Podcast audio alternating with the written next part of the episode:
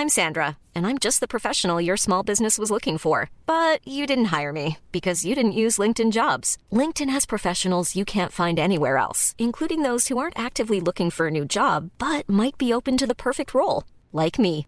In a given month, over 70% of LinkedIn users don't visit other leading job sites. So if you're not looking on LinkedIn, you'll miss out on great candidates like Sandra. Start hiring professionals like a professional. Post your free job on linkedin.com/people today. Many of us have those stubborn pounds that seem impossible to lose, no matter how good we eat or how hard we work out. My solution is PlushCare. PlushCare is a leading telehealth provider with doctors who are there for you day and night to partner with you in your weight loss journey. They can prescribe FDA-approved weight loss medications like Wagovi and Zepbound for those who qualify. Plus, they accept most insurance plans. To get started, visit plushcare.com slash weight loss. That's plushcare.com slash weight loss. Snacka snyggt är tillbaka med ännu ett matigt avsnitt. Idag ska vi prata om hur man snackar bort pinsamheter som öppna gylfar, salladsblad mellan tänderna eller felskickade sms på ett snyggt sätt. Det är jobbiga situationer som kan städas bort med väl valda ord som du får idag. Men inte bara det. Vi har fått mejl från en poddvän som blivit gravid just när hon står i begrepp att påbörja en ny jobbtjänst. Hur berättar man det för chefen? I dagens Snacka snyggt får du meningar och knep för att göra dig trygg i de här känslomässigt rätt otrygga situationerna. Och du är alltid i trygga händer med mig, Elaine Eksvärd, producent Camilla Samek och självklart vår hjälte Jonas Sjöberg som står för ljudmixen. Välkommen! Det här är Snacka snyggt. Veckans retorikutmaning är något vi alla har varit med om. Frågan är bara hur snyggt vi har skött det. Och då pratar jag ju förstås om hur man snackar bort pinsamheter. Ja men visst, och jag måste säga att jag tror att jag har lyckats förtränga det mesta av mina pinsamheter, för jag, jag vill inte minnas dem. Och sen tror jag Camilla att det finns någon sån här neurologisk förmåga att pressa ner de här pinsamheterna i ett mörkt rum i minnespalatsets grovkällare. Jag tror att den här grimasen man får och den mentala skämskudde man håller upp när man blir drabbad av en pinsamhet gör att hjärnan fixar det. Nej, men jag tror också det. Det är plågsamt att minnas sådana här pinsamheter. Man vill absolut inte plocka fram dem. Men idag ska vi faktiskt pressa upp de här minnena. Ja. Eh, och då får man liksom plocka upp dem från sin källare. Och så får man fundera på hur hanterade jag dem? Och hur hade jag kunnat göra det ännu bättre? Alltså det känns ju verkligen när, när du säger det Camilla, att du har pressat ner dina pinsamheter i, i din minnesgrovkällare gör att jag vill ju liksom springa ner dit och öppna dörren. Det är ju, det, man är ju väldigt nyfiken på andras pinsamheter så man får skratta lite. Vad, vad har du gömt där? Kan inte du berätta? Vad är det mest pinsamma du har varit med om som du inte lyckades snacka bort? Jag ehm, har gjort bort mig många gånger. Men att skicka sms till fel person, det har jag gjort många gånger. Och det är så pinsamt och jobbigt om det blir fel. Så att det är så jobbigt så att jag vill inte ens tänka på det. Men vad har du skickat för, för grejer Camilla? Vad har du gjort? Jag tror faktiskt en gång att jag har råkat skicka ett mejl till min man. Som egentligen var till ett ex. Alltså, men Nej! han var inte min man då. Utan, Nej! Jo, något sånt har jag gjort. Gud vad roligt! Var det precis när ni hade börjat dejta då, om man ska vara så här lite cool? Och du har inte berättat för din, nu, nu spinner jag vidare på det här. Du har liksom inte berättat för din man att ja, jag kan tänka mig att gå vidare och köra seriöst, utan du råkar skicka till ditt ex att jag har träffat någon och det börjar bli seriöst, jag tror att this is it. Så råkar du skicka det till din man. Säg att det var det, det är jätteroligt. Alltså jag minns inte, jag vet bara att jag har ett svagt minne av att det blev helt fel och att på något sätt så hamnade det här hos min man. Alltså, Jag älskar det. Ja, och, Jag tycker det är och jag jätteroligt. vet att det var jättejobbigt och det är antagligen därför jag inte riktigt minns det. Men han är ju min man. Så att det, har Det ju gick inte, ju bra gick ju ändå. bra ändå. Det blev ju gulligt, men man vill ju vara sexig och attraktiv. Ja. eh, och inte så jävla gullig och så här, avslöjad. Jag har gjort en sån jättepinsam grej när jag dejtade en kille. Um, och när man spelade in på telefonsvarare. och jag hade övat så många gånger på vad jag skulle säga och vara lite cool. Uh, och så här, hade rehearsat det i, i min lilla etta i Solna. Jag var liksom en student på Södertörns högskola och träffade en uh, lite äldre kille som var så här cool och allting. Um, och han hade inte hört av sig, så jag ville vara lite cool och bara säga att ah, men du vet, jag, jag känner att du hör inte av dig, det är mycket nu, så att uh, bla bla bla. Och så hade liksom, det var som ett litet telefonsvarartal, att leka svår och cool. Mm. Så pip, så spela in meddelandet på den tiden då man spelar in meddelanden på telefonsvaret. Men, men sen så är det något som säger så här, ditt meddelande har bla bla bla, du får göra om det typ. Ja, så då spela in exakt samma sak igen. jag orkar inte. Och han hör av sig till mig och garvar bara, tja, du jag fick dina meddelanden. Jag bara, vadå dina meddelanden ska vara så här cool? Han bara, ja, du spelade på pricken in samma ord eh, på min telefonsvarare. Eh, han gjorde det inte direkt lättare för dig heller. han gjorde det inte enkelt för mig. Det, jag, jag ville ju träffa honom och jag kanske inte var den coolaste katten i stan den dagen. Men, men det var ju liksom ja, ett meddelande och hur man snackar bort det. det. det. gick inte riktigt. Har du något mer att bjussa på? Ja, det har jag faktiskt. Jag kom på en grej nu när du, när du berättade om din pinsamhet. Men vad hände? Vad som hände? Ja. ja men det har jag nog förträngt. Jag tror att vi hade en ocool dejt. Och han insåg att han hade mig runt sitt lillfinger när jag försökte liksom vara någonting annat. Men nu, nu, nu, måste jag springa upp från min källare och ner i din igen för att jag ska få lite skadeglädje här och ta bort skämskudden. Men jag kom faktiskt på en grej som hände ganska nyligen eh, och som är ganska pinsam. Och det är ju att jag jobbar ju eh, inte bara med podd utan jag är även kastare. Och för något år sedan så kastade jag ett program som heter Stjärnornas stjärna. Mm. Och för er som inte vet vad caster är så är Camilla den som eh, förser tv-program med människor och kändisar.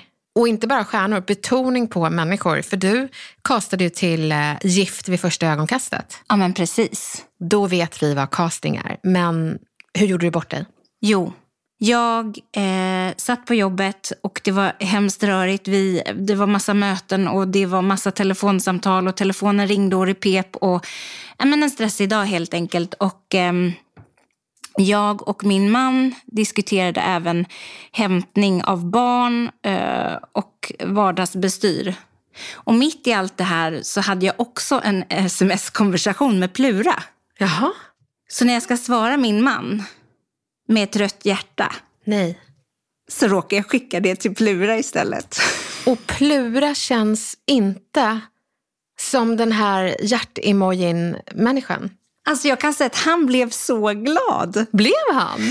Ja, det var en sån lyckoträff. För att då var det så himla roligt. För att han, då skrev herregud, förlåt. Det där hjärtat var till min man. Jag försökte ju rädda upp det direkt. Alltså det var ju så pinsamt så att jag höll på att sjunka genom jorden. Han blev bara så glad och tyckte bara det var så roligt. Och sen så var det så roligt. För lite senare, samma mm. kväll, då råkade han skicka ett sms till mig som inte är avsett mig Nej. om någon fika med en polare. Och då skrev jag, fast vänta nu här, det här var inte till mig va? Och då var det inte det. Och då Gud, var vi even Steven. Det var så skönt och det blev så roligt. Ja. Och han var ju med i Stjärnornas stjärna. Han var ju det. Precis, så det blev en lyckoträff. En, en hjärtemoj kanske var det som gjorde hela, hela grejen. Man vet Men, inte. Men där och då var det ju fruktansvärt pinsamt. Men det är ändå skönt, det är inte alltid bara pinsamheterna utan hur folk som ser att man är drabbad reagerar. Det gör ju väldigt mycket. Jag tänker bara på, jag, mitt mest pinsamma fysiska ögonblick i livet. Jag vet inte om jag orkar berätta om det. Har jag berättat om det? Jag vet inte. Vilket var det av alla? Nej, men du, alltså så här, jag hade precis träffat Gustav och eh, skulle liksom bli tjenis med, med hans syster, min svägerska, en av hans systrar. Um, och vi var ute på en bar. Och sen så ser jag lite längre bort att det är en kille som står och stirrar på mig lite mycket. Och uh, jag känner igen honom. Så jag tänker att det, han kan stirra, men det behöver han inte fortsätta med. Sen kommer han fram till mig och, och uh, Hanna, då, min svägerska, och säger, uh, kommer du ihåg mig? Och det gör jag ju, för att det var ett one night stand. Nej! För väldigt länge sedan. Nej. Mm. Jävla skit. Alltså så här, ah, vad kul, här kommer du fram till min svägerska och frågar, kommer du ihåg mig? Och jag ger honom en min och så här bestämt och bara, nej, men eh, kul att träffas. Och då blir han lite Då blir han lite så här, kränkt. Kränkt KK. Finns det såna? Ja, men han blev det. Och Hanna är världens gulligaste svägerska. Hon börjar ana oråd och ler lite så här sammanbitet och tittar bort som att det liksom regnar. Och då lutar han sig fram mot både mig och Hanna så säger han, vi har legat. Och Hanna får ju liksom hålla sig för skratt så att hon inte sprutskrattar den kavan hon hade i handen. För hon såg hur otroligt pinsamt det var för mig. Det blev så pinsamt så att jag blev arg. Och jag tittar på honom. Ja, men det kanske vi har och det kan man ju inte gå fram och säga till folk, fattar du väl? Eh, och då börjar han skratta så går han iväg och så går han iväg till sina killkompisar och skrattar. Nej, men det var nog mitt mest pinsamma ögonblick i hela mitt liv, fysiskt. Vi tar en sista tripp till din källare Camilla om du har något att bjussa på fysiskt. Men fysiskt så kan det vara så att jag har råkat prutta när jag har sovit över hos min då, eh, nu, nu, nuvarande man, men som då var eh, min väldigt nya kille. Mm. Alltså, det här är ingenting som jag minns, utan jag har fått det berättat för mig att det har skett på något vis när vi har sovit ja, nej, men alltså, jätteliten säng, eller smal, eller vad man, nej, man kanske var 1,20 eller något. Ja, jag orkar inte. Och så har vi säkert legat sked och så har jag väl råkat, jag vet inte. Det är så jobbigt. Men jag tror att alla minns den första prutten med sin partner. För jag hade exakt samma med Gustav. Vi var på väg, eh, alltså det var typ så här, tredje gången han sov över hos mig. Och eh, jag höll på att somna och så slappnar man av. Och så vaknar jag, inte av ett så här liten smygare utan en fanfar. Och jag hade inte jättemöblerat rum heller så det ekade i väggarna. Och du vet Gustav ger ifrån sig ett sånt skratt och jag är ju mellan sömn och dröm. Så jag kastar mig över honom och håller för hans mun och bara shh, typ glöm det här. Typ. Och sen så somnar jag typ, i fosterställning i, i pinsamhet. Så att, det är så eh, jobbigt så att jag vet inte om jag ska skratta eller gråta. Sånt där, det, nej, alltså, det är det så är, hemskt. Så... Jag tror att vi alla har det. Det är väl jättebra att vi etablerar det. Den gemensamma retoriska pinsamheten som är väldigt svår att snacka bort, det är första prutten med din partner. Partnerprutten. Fy fan alltså. Det är, bara, det är bara att glömma, förtränga, ner i källaren. Men den där prutten hissar, liksom, hittar upp. Ja. ja, den gjorde ju det nu. Ja, den gjorde ju verkligen det. Så ni alla där hemma som har pruttat med er partner för första gången, ni är i gott sällskap av både mig och Camilla Samek. jag var tvungen att lägga till mitt efternamn där också. Det kändes väldigt viktigt. Ja, men jag tänker det. Jag vill inte vara ensam bakom den här skämskudden. Nej. Men hörni, om vi, om vi går in på själva pinsamheten och den retoriska utmaningen där så är det ju att man behöver se det ur två perspektiv. Både hur man tar det och hur man uppmärksammar någon på att något pinsamt sker just nu och du vet inte om det. Så jag tänker att vi börjar med hur man uppmärksammar andra på pinsamheter så att det inte blir en så stor grej.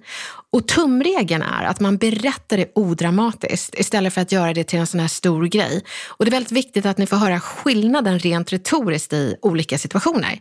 Så vi tar några vanliga som ja, är ganska långt ifrån pruttar med sin partner. ja, men också, tack och lov. Ja, men också väldigt vanligt förekommande. Och vad säger man då?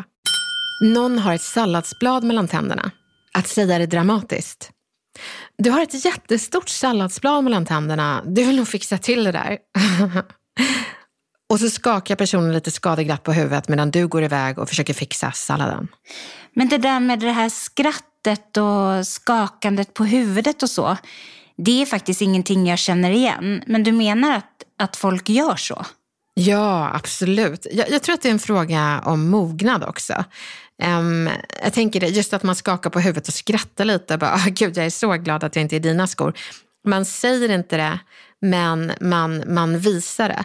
Det kan vara att någon står och kanske ska hålla en presentation och har det här salladsbladet mellan tänderna och eh, istället för att bara säga det lite diskret och odramatiskt så säger man det kanske inför alla andra och skakar på huvudet och skrattar och liksom lägger handen framför ansiktet och skakar på huvudet som att säga oj vad pinsamt. Det, är liksom, det gör ju inte saken bättre men en odramatisk gör ju inte på det sättet utan de låter den känna att det inte är en big deal. Och hur, hur skulle det låta då? Jo, så här säger du det odramatiskt. Det är säkert ingen som sett det, men du har lite sallad mellan tänderna.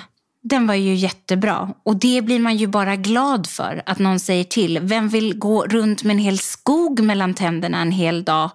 Och så kommer man hem och så ser man det och så tänker man så här, det är ingen som har sagt något på hela dagen. Nej. Och här har jag gått runt. Det blir liksom en, en pinsam stund själv och uh, man liksom spelar upp hela dagen kring alla man har träffat och hur brett leende man har haft och att de inte hört vad jag har sagt utan de har tittat på skogen mellan tänderna. Så uh, gör det odramatiskt. Men vi tar en till situation. Ja. Någon har gylfen öppen. Den är lite jobbigare än salladsbladet ändå, för här snackar vi potentiell exponering av underkläder. Hur säger man det dramatiskt? Jo, du säger högt inför andra att du, din gylf är öppen. Det blir lite svårt att koncentrera sig på det du säger när du har det. Du kanske ska fixa till det.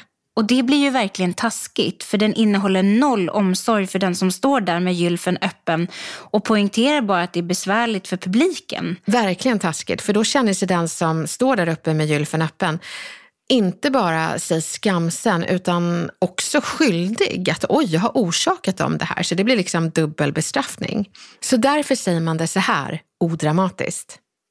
Du använder kroppsspråket, vinkar lite diskret, alternativt viska till personen. Sen pekar du på din gylf och visar att hen ska dra upp sin. Sen gör du tummen upp. Ah, kroppsspråket. Så det är inte så att du går fram och säger du bara så att du vet din gylf är öppen? Jo, men man kan viska det. Det kan man absolut göra. Men, men ibland är det att man inte riktigt har en chans. Och då, det, huvudsaken är att man är diskret. Viska och kroppsspråk är två diskreta alternativ. Man kan göra kombinationen också. Du råkar skicka ett sex-sms till kollegan. Här snackar vi pinsamt. Tänk mm. ännu värre. Det råkar komma till mamma. Den hade inte jag ens föreställt mig. Har du gjort det Camilla? Nej, det hade jag inte överlevt. Nej, det hade, det hade man inte. Vid 17. Tänk dig ett förföriskt sms till din man som kommer till din mamma. Min mamma hade garvat ihjäl sig. Alltså, jag vet inte vad min mamma hade gjort. Men hon hade förmodligen eh, tyckt att det var så pinsamt så att hon inte heller hade vetat var hon skulle ta vägen. Nej. Och hur gör man det då dramatiskt när man är den där kollegan som har fått det där smset?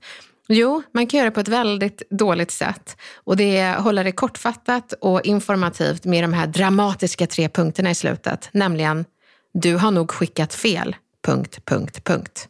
Odramatiskt, det är att du gör inte en stor grej av det. Och jag ska faktiskt snart ge receptet för hur man gör det. Vadå, en cliffhanger? Jajamän, och vi kommer tillbaka till det senare. Men först så ska vi fortsätta med hur man tar de här kommentarerna som uppmärksammar oss på det pinsamma på ett bra sätt. För det är lika viktigt att man är odramatisk när man tar emot informationen av pinsamheten som när man faktiskt ska informera om pinsamheterna. Och när du tar emot det så är det viktigt att du sätter ord på pinsamheten en kort, kort stund för att sen vifta bort den, skratta lite och vända blad. För det är inte själva pinsamheten i sig som är det värsta. Ingen tycker att en öppen gylf är hela världen, utan det handlar om att folk är rädda för hur du som är drabbad av pinsamheten kommer att ta det. Man sitter liksom där och håller upp axlarna, håller andan när man berättat att gylfen är öppen för någon som kanske håller en presentation. Blir personen besvärad, rycker upp gylfen hastigt och fortsätter att hålla presentationen med en sån här sammanbiten ton och röda kinder ja då hör vi inte vad hen säger för vi är liksom överväldigade och känner oss skyldiga till hur besvärad personen blev. Vi ångrar oss och tänker att vi kanske inte borde ha sagt någonting. Låtit hen stå där ovetandes med öppen gylf. Reagerar personen istället avslappnat och säger ah, det förklarar vinddragen. Tack för att du sa till. Hörni, tillbaka till presentationen. Då kommer axlarna hos oss andra sjunka och vi andas ut för att det blev inte en katastrof för dig som blev drabbad. Hen tog det bra. Så jag ska ge några pinsamheter och svar på tal som gör att du snackar bort pinsamheterna. Det är väldigt bra att ha för att folk som räddar dig från till exempel ett salladsblad mellan tänderna inte ska bli besvärade utan glada för att de hjälpte dig. För det är faktiskt det de gör. De hjälper dig. Hur jobbigt det än känns för dig så är det hjälp att berätta om pinsamheterna. Så det är väldigt viktigt att man levererar en känsla av tacksamhet istället för skuld. Så du ska nu få odramatiska sätt att snacka bort pinsamma situationer och göra det snyggt. Här kommer meningarna. Du har fått veta att du har mat mellan tänderna. Säg, gud vad bra att du sa till. Jag går till damernas direkt och kollar. Tack. Du har fått veta på ett odramatiskt sätt att din gylf är öppen. Du tittar, drar upp gylfen diskret och tackar i kroppsspråket och ger en tumme upp tillbaka. Men nu Elaine är jag så nyfiken på den där cliffhangern. Ja, här kommer den. I det här scenariot har du råkat skicka sex sms till din kollega som också heter Gustav, precis som din partner. Nej, vad hemskt. Vad står det i det där sex-smset? Alltså säkert något förföriskt som ska hända mot kvällningen. Och uh, du skickar det från jobbet och kollegan Gustav sitter bara några skrivbord bort. Vad svarar man då? Om man är den där kollegan som får det där smset, hur gör man det odramatiskt? Jo, din Gustav kommer bli jätteglad när han får det här. Och var inte orolig. Smset kom aldrig till mig. Jag har inte sett det. Det har inte hänt. Och så avslutar du med en smiley med svettdroppen över huvudet. Så bra. Men vad svarar jag då? Jo, då tycker jag att man skriver någonting i stil med Herregud, förlåt. Okej, vi vänder blad! Utropstecken. Ska jag döpa om dig till ditt efternamn framöver? Och sen en sån där emoji med svettdroppe över huvudet också. Och kanske tack-emojin också. Så det viktiga när det gäller att snacka bort pinsamheter är att du som berättare håller det diskret, odramatiskt och med omtanke. Och samma sak med dig som tar emot informationen om pinsamheterna. Oavsett hur jobbet det är, visa tacksamhet, gör det odramatiskt, skratta lite och så vänder ni blad tillsammans. Lycka till nu!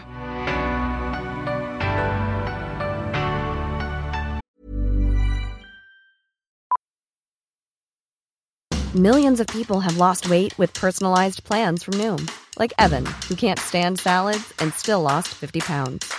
Salads, generally, for most people, are the easy button, right? For me, that wasn't an option. I never really was a salad guy. That's just not who I am. But Noom worked for me. Get your personalized plan today at Noom.com. Real Noom user compensated to provide their story. In four weeks, the typical Noom user can expect to lose one to two pounds per week. Individual results may vary. Hiring for your small business? If you're not looking for professionals on LinkedIn, you're looking in the wrong place. That's like looking for your car keys in a fish tank. LinkedIn helps you hire professionals you can't find anywhere else, even those who aren't actively searching for a new job but might be open to the perfect role. In a given month, over 70% of LinkedIn users don't even visit other leading job sites. So start looking in the right place. With LinkedIn, you can hire professionals like a professional. Post your free job on linkedin.com slash people today. Vi har fått en kommunikationsknut att nysta i här, Elaine. Åh, vad spännande. Vill du läsa? Ja. Hej Snacka snyggt! Hur berättar man för sin nya chef att man är gravid? Jag ska börja på ett nytt jobb om en vecka och behöver börja med att berätta att jag är gravid i vecka 12 och jag har sån ångest. Har du några tips på retorik? Tack för ditt brev. Vad bra att du skriver till oss. För det första ska man aldrig någonsin vara orolig för att berätta att man är gravid till sin chef. Men, men det är ändå ett utbrett fenomen där kvinnor känner att det framkallar ångest eller kanske obehag. Att, eh, att det skulle vara besvärligt. Och jag tänker på det Camilla, om man vänder på det och det är en, en man som berättar då i ett heteronormativt förhållande att ja, sen så börjar jag här men för mig är det viktigt att vara där för familjen så jag kommer behöva ta ut lite pappaledighet eh, efter sju månader. Inte det lite mer en fjäder i hatten för snubbar? Jag vet faktiskt inte. Jag tror att det kan vara jobbigt också. Ja, det kanske är så. Det kanske är för båda. Det kanske inte är det man slänger fram. För det blir lite att man börjar på ett jobb, inte bara med att börja jobba där, utan börja krångla inom situationstecken. Men det man behöver visa på det är ju att det är inte avsiktligt utan det här är någonting som har hänt. Så jag förstår att det är jobbigt när du precis ska börja ett nytt jobb. Men ibland så händer livet, bokstavligen. Och du ska inte ha dåligt samvete för att en bebis växer i din mage.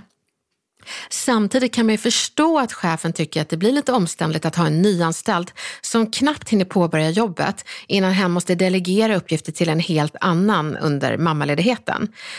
Så jag skulle visa förståelse för chefen, sen förklara att det inte var planerat Och sist, betona din förmåga trots graviditet och att det här verkligen är ett jobb du brinner för och kommer göra riktigt bra ifrån dig.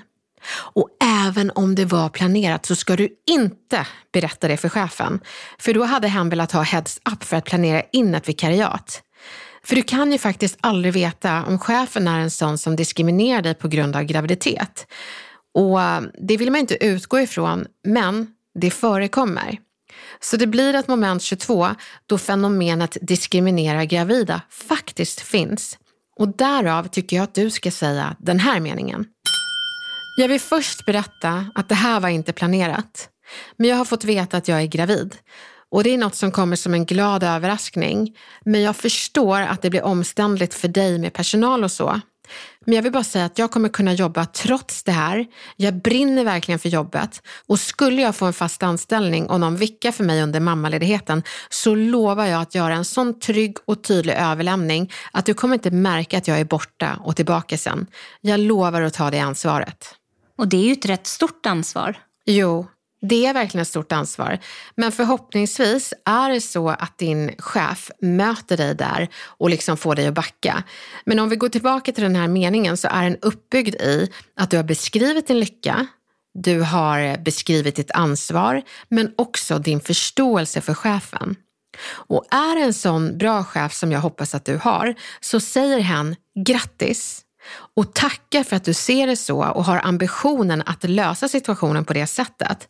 Men så ska chefen lägga till att det här är inte bara ditt ansvar utan vi löser det här tillsammans med meningen var inte orolig. Och kanske är det ju till och med så att chefen blir väldigt glad och tacksam för att man har fått heads-up redan i vecka 12.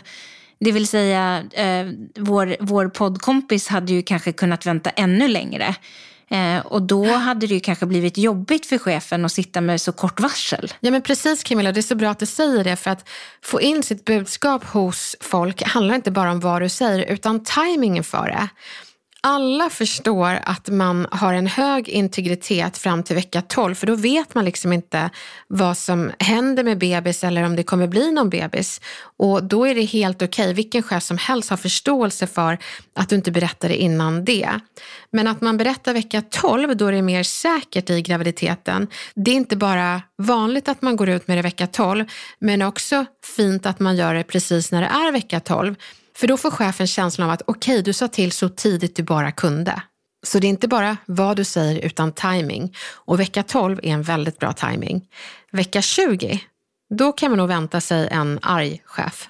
Och sen är det ju så att vecka 12 är ju lite en sån där magisk vecka. Men det finns ju väldigt många som inte är redo att berätta i vecka 12.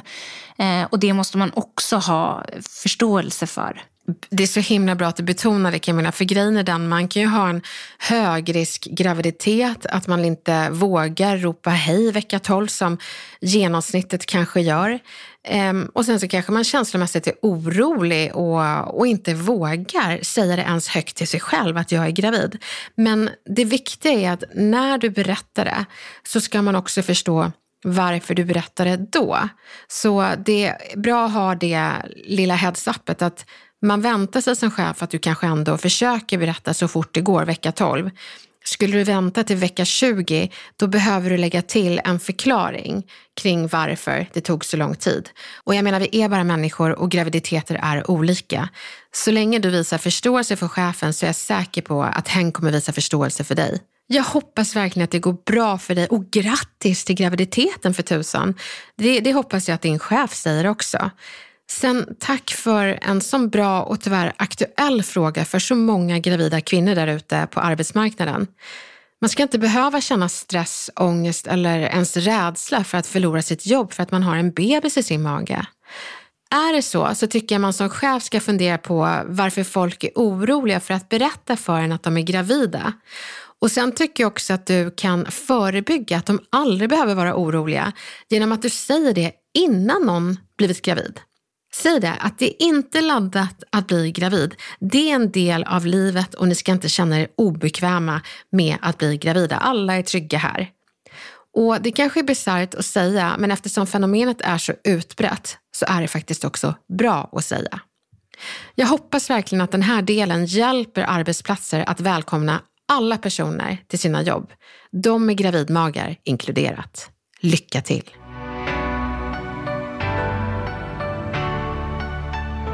Nu ska vi få testa hemma igen. Ja, för veckans Testa hemma är verkligen hemma, hos familjerna. Det handlar om att du som förälder ska utmana dina barn att gå från att bråka till att samtala. Syskon som kan snacka snyggt med varandra. Och hur gör man det? Jo men Camilla, det kan faktiskt ske små, små retoriska mirakel om man vågar göra små, små omformuleringar och hjälper sina barn att göra samma sak. Då kan det gå från syskonbråk till syskon som snackar snyggt. Så man ska sträva efter att gå ifrån meningar som ger känslan sluta och istället sträva mot meningar som ger känslan börja istället med det här. Så retoriskt handlar det om att du som förälder vägleder dina barn att undvika att säga vad som är fel och istället uttrycka hur de önskar ha det. Det kommer göra hela skillnaden när du som förälder agerar retorikexpert åt dina barn. Som till exempel häromdagen när min nioåring och fyraåring skulle spela tv-spel. Då sa den äldre, sluta tryck på alla knapparna till den yngre.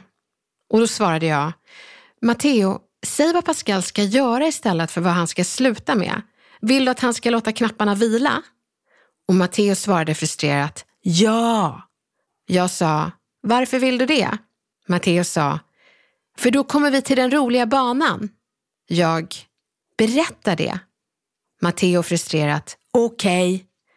Jag, säg det snällt.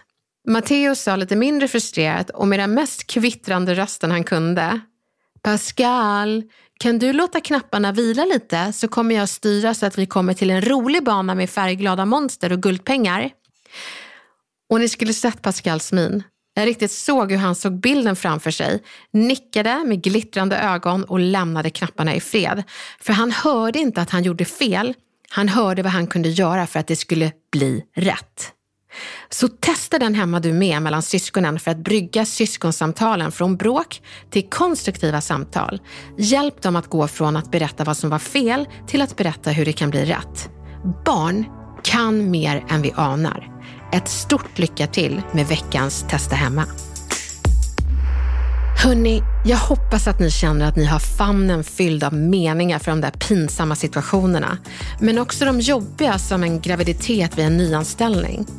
Känner du någon som är gravid och orolig för hur hon ska berätta för chefen att hon är det, så tipsa gärna om det här avsnittet. Vi vill ju vara där kommunikationsknutarna är och du kan verkligen ge din omgivning lösningar på knepiga situationer med just Snacka snyggt-podden. Så roligt att du är med oss och vi hörs ju som vanligt snart igen.